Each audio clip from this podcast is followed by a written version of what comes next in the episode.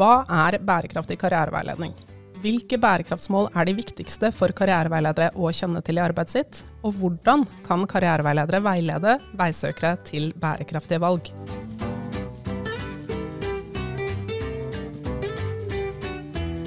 Hei, og velkommen til Veilederforumpodden, en podkast fra Direktoratet for høyere utdanning og kompetanse. Mitt navn er Mari Torbjørnsrud, og jeg er en av fagredaktørene for veilederforum.no, et nettsted for deg som veileder om utdanning, jobb og karriere. Bærekraft er et tema som i økende grad diskuteres i karriereveiledningsfeltet. Det er tema både på Nasjonal karriereveiledningskonferanse 6. og 7. november, i en artikkelserie på veilederforum.no og på en rekke andre fagdager, webinarer og arrangementer. Ofte så er det miljøperspektivet og grønn veiledning som løftes frem. Men FNs bærekraftsmål er 17 mål som til sammen utgjør verdens felles arbeidsplan for å utrydde fattigdom, bekjempe ulikhet og stoppe klimaendringene innen 2030.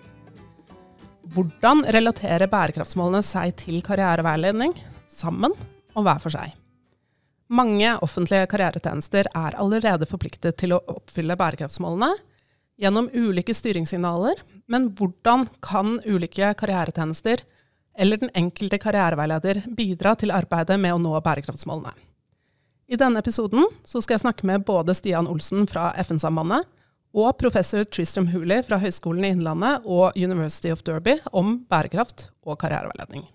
In part two of this episode, we are going to welcome Professor Tristram Hooley from the Inland Norway University of Applied Sciences and the International Center for Guidance Studies at University of Derby. He is well known in Norway, the UK, and more widely internationally through a multitude of roles, including lecturer, researcher, supervisor, and policy advisor. Moreover, he publishes academic texts, runs the website Career Guidance for Social Justice, as well as the blog Adventures in Career Development. Tristram's main focus within career guidance has been the role of career guidance in supporting the development of social justice the intersection of policy and practice in careers work, identifying the impact of uh, career development interventions, and the role of online and digital technologies in career development. Lately, he has also held several lectures about green guidance. Welcome, Tristram. Great. Well, thank you for having me. Could you start by reflecting on what sustainable career guidance is and if there is a difference between sustainable and green career guidance? Yeah, I mean, it's really interesting, I think, because we've got this word sustainable that I think it, historically I always understood to be primarily about um, the environment, about the the sort of climate change and the and and being able to uh, live your life or run a society in a way that wasn't going to burn up the resources of the planet. And I think that's really know, really important. It's something we're going to definitely talk about today. But I think this term has been broadened. And so when we think about the UN Sustainable Development Goals, it's actually much broader than that. And it's trying to, I think, use that logic, but also to say, what do we need to have sustainable societies which aren't sort of constantly undermining themselves? So, for example, you know, we we want to have decent work for people. We want to have opportunities for people to um, get paid well enough to have opportunities for holidays and so on. And that's a social justice issue. But it's also an issue of sustainability because you don't want to burn people out. So you use up all the resources that people have and then kind of throw them away. And I think ultimately, those two meanings of the word sustainability come together because what I feel is that we can't have a sustainable planet in the sense of a, of, of having a kind of green revolution or whatever without also addressing addressing issues of social justice as well. And so i think it all actually kind of come back comes back together in the end and, and works well. So i'm kind of happy with that broader definition of sustainability as well. Thank you. I think it's important to reflect over these terms. I wanted to ask you how do you see career guidance contributing to the un goals? And at what level yeah, I mean it's it's really interesting. I think it could be at num a number of levels. So the UN goals, I think, first and foremost are kind of policy goals. So I've seen uh, countries where they've been built into their their sort of policy, the aims of the government. So in Scotland, for example, the UN Sustainable Goals are essentially they report on them. How, how's the country doing against these these development goals? So when you then look at career guidance policy, it has to ap- absolutely fit into one of those goals. And, and so we're able to say, well, look, surely career guidance is about helping, definitely about helping people to be more educated. It's definitely about helping uh, to find decent work, but it's probably about some other things as well. So it might be about sort of issues around health and well-being. It might be about alleviating poverty, um, you know, and, and so on. So we can we can start to make connections between what we do in career guidance, what career guidance policies are designed to do, and then meeting these higher sort of top level aims for what hopefully government should be doing. But of course, I think it's also relevant at the practitioner level as well. So I think if we're if we're a practitioner and we're trying to work with someone, then thinking about these issues that are raised by the, the UN Sustainable Policy Goals that give us a sense of what a good society is like not that we should think that it's our responsibility to sort of solve everything for everyone in every aspect of their life, but but to be thinking all the time about well, how can we do things that might support people to move out of poverty? How can we um, do things that might support people to have more equality or gender equality or and so on? And so I think it can both be at the level of policy goals for the area, but also can be something we think about in our day-to-day practice while we've got a client in front of us or a class in front of us, and we're talking about issues around career. We should also be thinking about how can these things inform what we're doing. In extension of what you just, just said, how do you feel that the sustainability goals affect career guidance practice? Yeah, so I mean, I suppose I suppose the short answer is that at the moment they don't probably affect career guidance practice all, all that much because I think the the level of awareness that practitioners, your ordinary practitioner who might be in NAV or in a in a, a school somewhere, probably isn't thinking about the the UN Sustainable Development Goals. But I think what we've seen is a number of projects which have started to try and raise this as issues. So there was a very interesting project in Canada um, where a university sort of restructured its careers education program around the UN Sustainable Development Goals. And and so I think we can think about it at different levels. As I said, we can think about it at policy level, but also at the practitioner. You know, these are issues for you to think about. Perhaps at a sort of in between level that we could be thinking about that might help us to make a bit more progress on this more quickly would be at the level of programs. So you know, if, for example, within um, the Utdanningsvalg sort of subject, we got we had that structure. We had the idea that you should raise, you know, which of the UN Sustainable Development Goals we thought were particularly important. That might be useful to to people as, as giving them new structures.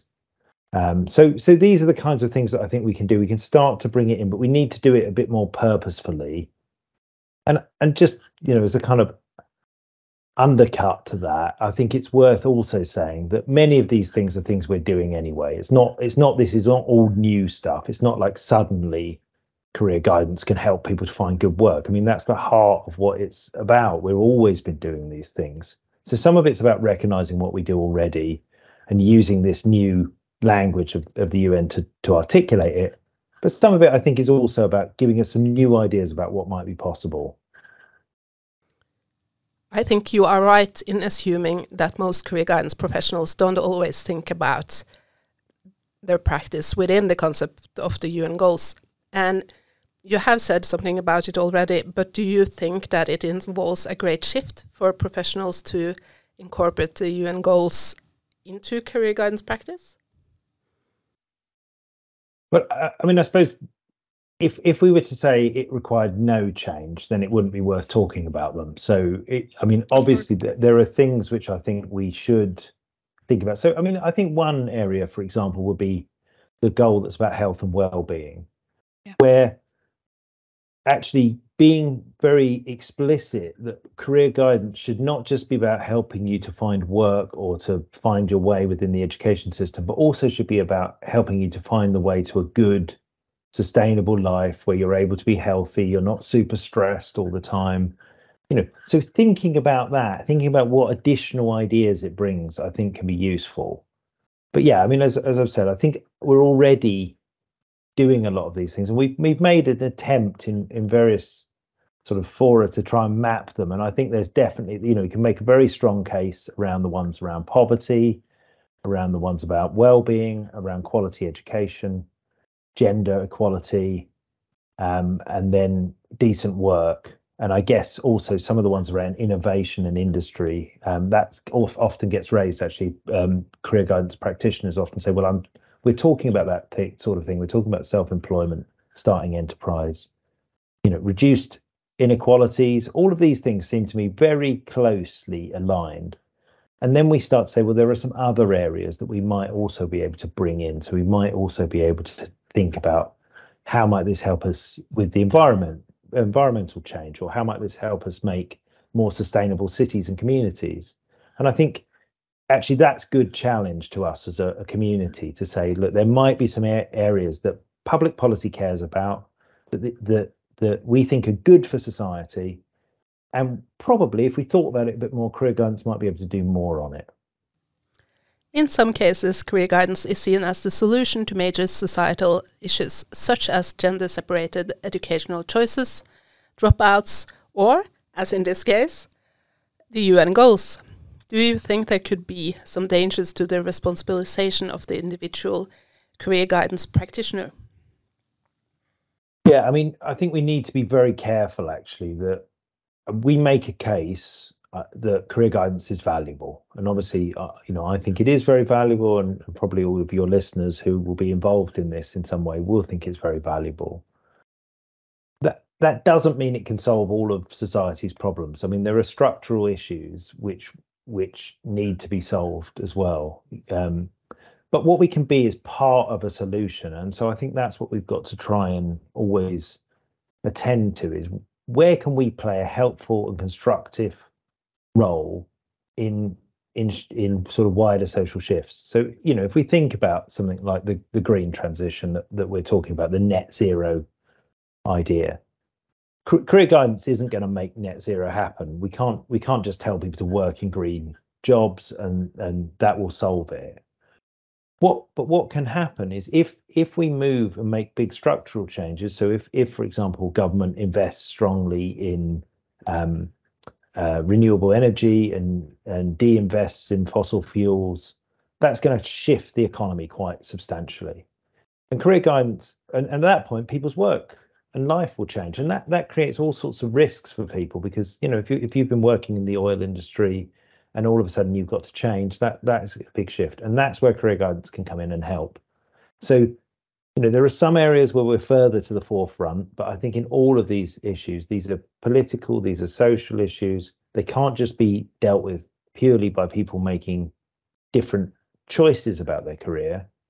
But we can help people to deal with bigger structural changes and to manage them productively and and and that is beneficial to the individual but it's also beneficial to society because it means we can move through these big transitions that we're talking about um, without as much, you know, much more easily, much with much less friction. Thank you. Many Norwegian career services and professionals have taken the Norwegian quality framework to heart, and it's widely used. And therefore, I wanted to ask you do you have any reflections about the connections between the UN sustainability goals and the quality framework? Yeah, I think this this is a bit difficult because in some senses what what the um the the career management skills that we have so the sort of um change or stability uh, individual and society that those sorts of things in a way they give us a framework for thinking about a lot of the same issues that the um, UN sustainable goals bring up so I think in some countries if if you were in a country that had given no thought to these issues and you said, how should we restructure careers education in in schools or reorganize the career services? You might say, well, maybe maybe you could use some of the categories from the UN Sustainable Development Goals to do that. I think in Norway you don't need to do that because you've already gone through a long process of thinking and developed a, a quality framework that's got lots of different elements to it. So I, I think that to me that should remain as the primary sort of framework that's in the in the heads of guidance counselors. Um, they should be understand them, and I think there's actually quite a bit of work still to do in terms of embedding the quality framework. So I think we should focus on that. But that is not something that is so meaningful to policymakers, and certainly it's not so meaningful internationally. So what we also need to do is to map the kinds of things we're doing in the that are inspired by the quality framework and to relate them to a language that policymakers and that other people outside of Norway understand. And I think the UN Sustainable Development Goals gives us a very helpful framework for doing that. Absolutely. But if the quality framework were to be made now, do you think it would have looked different or that the UN goals would have been incorporated? I mean, I suppose I suppose one of the questions that all countries have to face when you develop frameworks or or, or generally develop your approach to any any area is how much do you borrow from overseas and how much do you develop in internally? And I think um, one of the things that I've been impressed with about the quality framework was it was a, a genuine and quite deep attempt to develop something that was that was unique for the Norwegian context and and was was designed with that in mind. And and it drew of course on on papers and experiences from other countries. But many countries when they developed something like that what they've done is start from something like the Australian blueprint for career development, which is a very well established framework. It's got lots of strengths and so on. And they take that and then they develop it and and just adjust it for their own context. I think the fact that in Norway you started from scratch and said, let's actually look at what what we could do that's going to be uniquely Norwegian, that surely is going to be a long-term strength. And so would you know, would it have been a good idea to start from the Sustainable Development Goals, well, it would have been one candidate that you could have looked at, but I don't think it's necessarily the case. And the other thing that you need to be always aware of with these kinds of international frameworks is they do change, they do come and they do go. And it may be that, you know, I'm not saying this is going to happen. I think this seems to be one that's really has found quite good resonance internationally, but it may be that in five years' time the UN change it or it falls out of fashion. So I think I think there's something to be said for owning something yourself and having the ability to to fit it to your context and change it when you need to, rather than relying on something that's sort of imported from outside. Yeah. There will, of course, be a lot of initiatives from, that comes from within Norway and internationally, but I'm happy to hear that you think that the quality framework can endure. Yeah, I mean, I mean, I wrote an article with um, my colleague Ingrid Bakke, uh, uh, and we looked at the development of Norway's uh, career guidance policy over a number of years. And I think one of the things that we, we found quite interesting was the way that Norway's been both, it sort of looked both outwards and inwards at the same time. And it has actually drawn quite a lot of ideas from elsewhere, uh, particularly from Europe, but also other places as well but there's also been a very strong effort to find something that, that's unique. And and I think that that feels to me the right the right kind of balance really. I wanted to talk a bit about green guidance as well. What does green guidance mean for practice in your opinion? Yeah so I mean I've sort of mentioned it already but it seems to me that uh, at its most basic if we accept that there is a climate crisis and that societies are going to have to change and economies are going to have to change that that has got huge implications for the skills of people and the work of people and actually the wider lives of people as well it may have big implications for our leisure for example you know we yeah.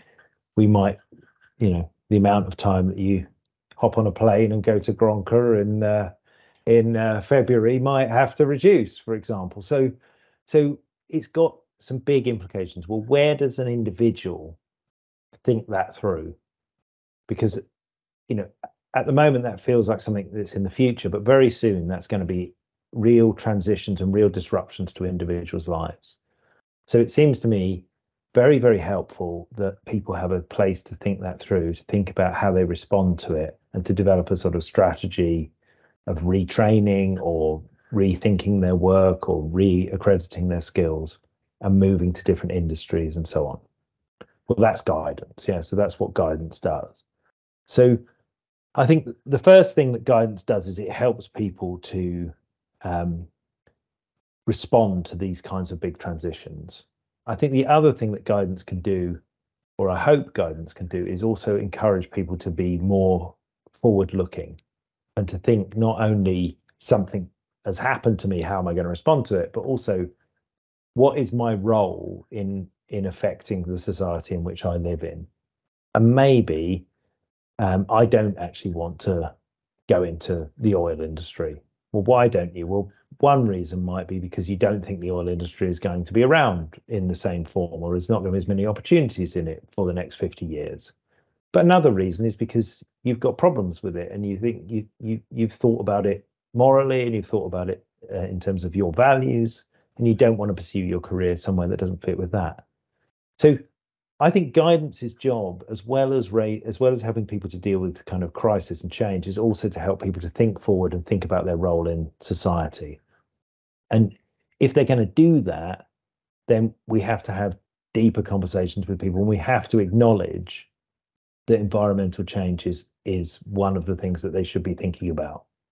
So what what might that look like? Well, it, I think there's a lot of debate around that, and we've got this term green guidance, and we haven't necessarily worked out what it really means yet. But some of the things that I think people have been writing about on the Career Guidance and Social Justice website, where people have been talking about this quite a lot, are things like you know, we provide routinely provide people with labour market information, which tells them what what they have to uh, what they might earn if they go into a particular role. We don't provide them with any information about what the social damage of of the occupations they might go into.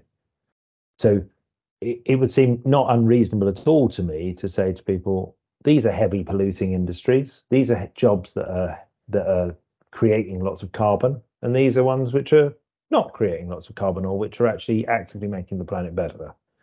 Not that not to say that people shouldn't have a free choice between those, but having that information seems to me very useful. So that that might be a very limited example of what green guidance might actually look like. That is kind of the classical example when it comes to green guidance conversations. How should a practitioner handle it, in your opinion, if they have a client whose dream job it is with a fossil fuel corporation? Yeah, I mean, I, I don't I, I don't think we can do guidance and remain credible and not tell people about all the jobs that are out there uh, nor can we remain credible if we try and steer people very actively into one thing or another. So uh, I actually think the the kind of one-to-one counselling type of interactions we have, there is absolutely an opportunity within those interactions to talk about the environment, to ask people what they think about it, whether it's important to their values, whether it should affect their their whether they want it to affect the the future of their career and so on. But there's, I think, an even bigger chance to talk about this in careers education. And, you know, in Norway, careers education, I think, has got a lot of potential to develop quite a bit further from the kind of um, educational choice making that it's largely focused on to something that is more broadly focused on um, sort of career, your your lifelong career. But in that kind in that kind of setting, I think it it would be very helpful if in schools or universities or in other co- contexts like um, courses that people do when they're unemployed, that they were thinking about how the economy is changing, how the shift in in environmental regulation and and climate change might change the occupations that are available to them, and trying to think about it, the big get an understanding the big picture within which their careers are being pursued and then when they come to talk to somebody who is more on the counseling side, they might be more likely to bring some of those questions, some of those thoughts, some of those issues to work through. And and we do know that particularly younger people are often quite concerned about about the environment.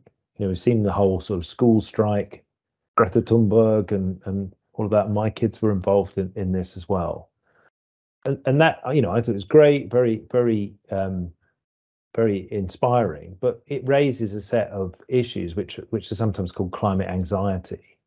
Yeah. Where young people are sitting thinking, well, you know, the world's going to end, the world's going to burn up. What's the point in me making a career decision, or, or you know, what? How can I, how can I possibly continue? And and and ca- career counsellors need to be in a position to be able to talk about those things and talk about them in ways that are empowering rather than kind of lead lead people to despair. Really, it is kind of a heavy topic to address in a conversation with a client or a youth that feels that there isn't any tomorrow yeah, exactly. And we, but we can't pretend that, you know, I, I, think there would have been one time when when it was just the sort of job was just say, oh, well, you're just, you know, it's just kind of teenage angst, you know, get yeah. over it. But of course, there, you know, young people who are thinking that are not, you know, they're right. I mean, there is real concerns. I mean, I don't think the world's going to come to an end.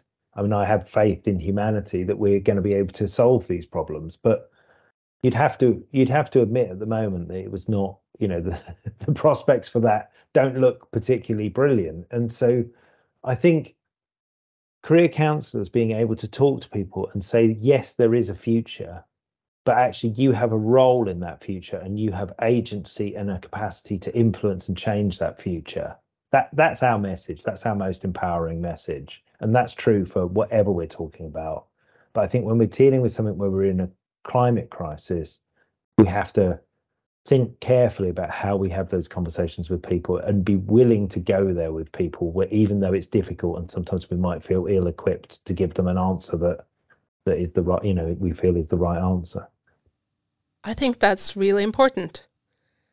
When we are talking about green guidance you've said something about this already but which ethical issues can arise in green guidance? Yeah so i, I mean we've had a very interesting uh, sort of debate going on in the UK where there was a student led campaign which said uh, we shouldn't have fossil fuel companies on campus. And the reason for that was that they didn't want to make it easier for fossil fuel companies to recruit young people into their industry. So not not because they thought, you know, that would completely stop those industries but because they thought, why should it be the job of career services and universities to make it that much easier for, for companies that are essentially doing damage? And this came on the back of a series of debates which had, had meant that many universities, for example, had, had removed their pensions from, from investing in um, fossil fuel companies and so on. So they said we should have a similar movement with which is relates to people who are just entering the, the labour market and it became it's very controversial because some some careers professionals were very uncomfortable with it and they felt that this was limiting students choices that it would it would disadvantage the students if they made this uh, decision and, and excluded certain companies from campus that it would it would make it um, you know be unfair it would disadvantage their students. And they also said well, why them? You know, why just them? Why not car manufacturers, for example? And then you get into all sorts of issues of kind of moral equivalence. Well, well, you know, to most universities won't have the sex trade on on campus recruiting, uh, but but they might have you know people working in big pharma, and and you know, and, and you start to think, well, what's what? Which of these things is worse? Which of these things is better, and so on so it, it it's not a simple issue and I, I mean I, you know I've got my own opinions about about that but it's I think in a sense the issue for gui- the guidance profession is to start talking about these these questions recognizing there are real dilemmas and recognizing that there are different ways that we might solve those things which all need to be thought about. And and and and feeling comfortable that the work we're doing is is ethical um, that it it doesn't you know it it it doesn't move us into a position where we're making kind of fairly random political decisions for people. But equally we don't we're not just hastening the destruction of the planet. So i mean these are these are things to balance but i think there's a, you know there's a lot to think about here and, and i think we should be having this discussion more openly and, and at a greater level of of depth and also st- starting to try some actions try try what what might work okay, maybe not everything we do will work. Maybe the fossil fuel uh, free campuses was the wrong idea, but okay, let's think what else could we do? And and so we need to be trying actions as well. Yeah, um, earlier you said something uh, along the lines that we're at the starting point with green guidance. What is your hope for the future of green guidance? I suppose on one level, I hope it, it won't be necessary some, point, but um, it's, I think, while we live in a society in which we're facing a major climate crisis, guidance can't ignore it. So but this is new. I mean, well, it's not completely new. In fact, you know, Peter Plant from Denmark has been talking about this for probably 40 years. But you know, there was a long while where he was a kind of lone voice, and everybody kind of was just like, "Oh, you know, what's he going on about?" And then as time goes on, it becomes clear that this is not something that's just going to go away or get solved on its own, and that it's not just us. I mean, every occupation has a role to play in it. I mean, if, if you're in um, the energy industry, you've got a role to think about how do we retool it. If you're a teacher, you've got a role to think about this. You know, every every occupation has a role to think about this, but we have a particular role because we're there when people are making decisions about their future, and we're trying to help them to think that through. So, and and we have come some way already with green guidance, and we're and people are starting to. I think people are talking about it. People are thinking about different approaches to it. People are trying experiments out. So we're not we're not right at the beginning, but what we don't have is sort of general theories or approaches that people know how to use. And so I think, and, and also we're not clear on how they might apply to different contexts because what green guidance is going to mean in NAV is going to be very different to what it means in schools or very different to what it means when you're working with migrants and so on. And so we've got quite a lot of work to do to think about how each of these issues plays out and what we can give uh, practitioners to do practically. But the other thing is that we also need to make sure that the national strategies and the policies and so on start to recognize this as being a, a very important context within which careers work is being done. There's something uh, left to do. Yeah, there's, there's a lot left to do. Yeah. And I mean, while we're in a situation where, I mean, you know, in the UK, the government has just rolled back all of the climate um, uh, all of the promises that it made, which were made by the same government, same political party two years ago, and they've decided they don't want to make them anymore. So this is a very live debate, and it's not gonna it's not going to be an easy debate. But equally, we're seeing the real effects of climate change. You know, and you you know the different patterns of the seasons and and so on that we're we're seeing, and and you you know some of those things are potentially quite catastrophic for Norway. If, if, you know, depending on how you know, if the Gulf Stream changes, we we've got some really big problems. So, so I think this needs to be something that we're thinking about. And, Norway also, obviously, you've got some quite a lot of culpability in all, all, all of this as well. And and and so you know, these are not issues that we can say, oh, we won't worry about them. They're going to be big issues. They're going to be big political issues. They're going to be big issues in everybody's lives. And guidance is going to be in the middle, trying to help everyone figure it out. And and I think I think it's going to take us a while to get there, but we I think have got a lot of work to do in this area. This is kind of a call to action. Yeah, I think so. Yeah. But how do the councillors know if they succeed? Um, well, I mean, I mean, I think you know. I suppose the sort of flippant answer is that you know we'll know if we succeed if if the air is still breathable and the and you know the and the tides don't rise and and so on. But i mean in, in reality we're we're engaged in a societal shift aren't we? And and that is going to take time and there are going to be steps forwards and back. And i think if guidance practitioners can find meaningful ways to contribute to that and also i think if they feel that they can help I mean, there'll be an experiential level on which guidance counselors will know how many people are raising issues that are related to climate change and how often they've been able to raise it and how how successful some of those conversations have, have been and whether people have been open to having those conversations or whether people are like that's nothing to do with me. And so i think we'll i think we'll have a sense just from our practice as to what works and what doesn't but i think we shouldn't again it's back to this thing of we can't take it all on our shoulders. We have to recognize we're part of something. We're not the whole of it.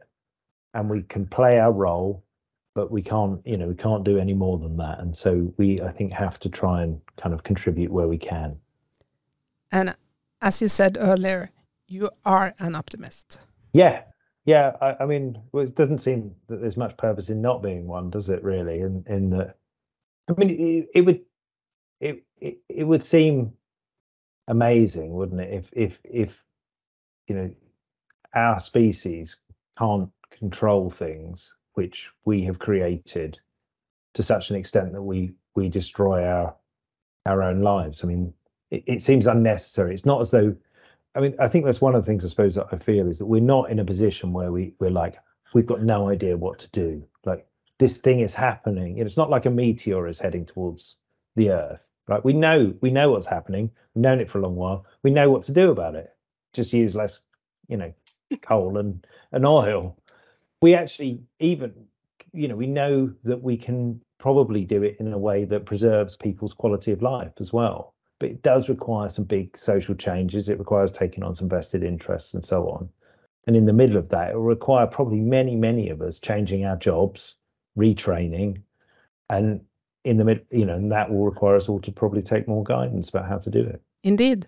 Thank you so much for an interesting conversation tristram I'm happy you could join me in this podcast episode. Great. Thank you for having me. Jeg håper at dere som har hørt på, både har lært noe nytt om bærekraftsmålene og forbindelsene til karriereveiledningsfeltet, og at dere har blitt inspirert til å reflektere over egen praksis. Om du har lyst til å lære mer om karriereveiledning og bærekraft, så er det flere artikler om temaet på veilederforum.no, som jeg oppfordrer alle til å ta en titt på. I tillegg så er det også fremdeles mulig å melde seg på Nasjonal karriereveiledningskonferanse digitalt, hvis du ikke allerede er påmeldt. Jeg håper vi ses der.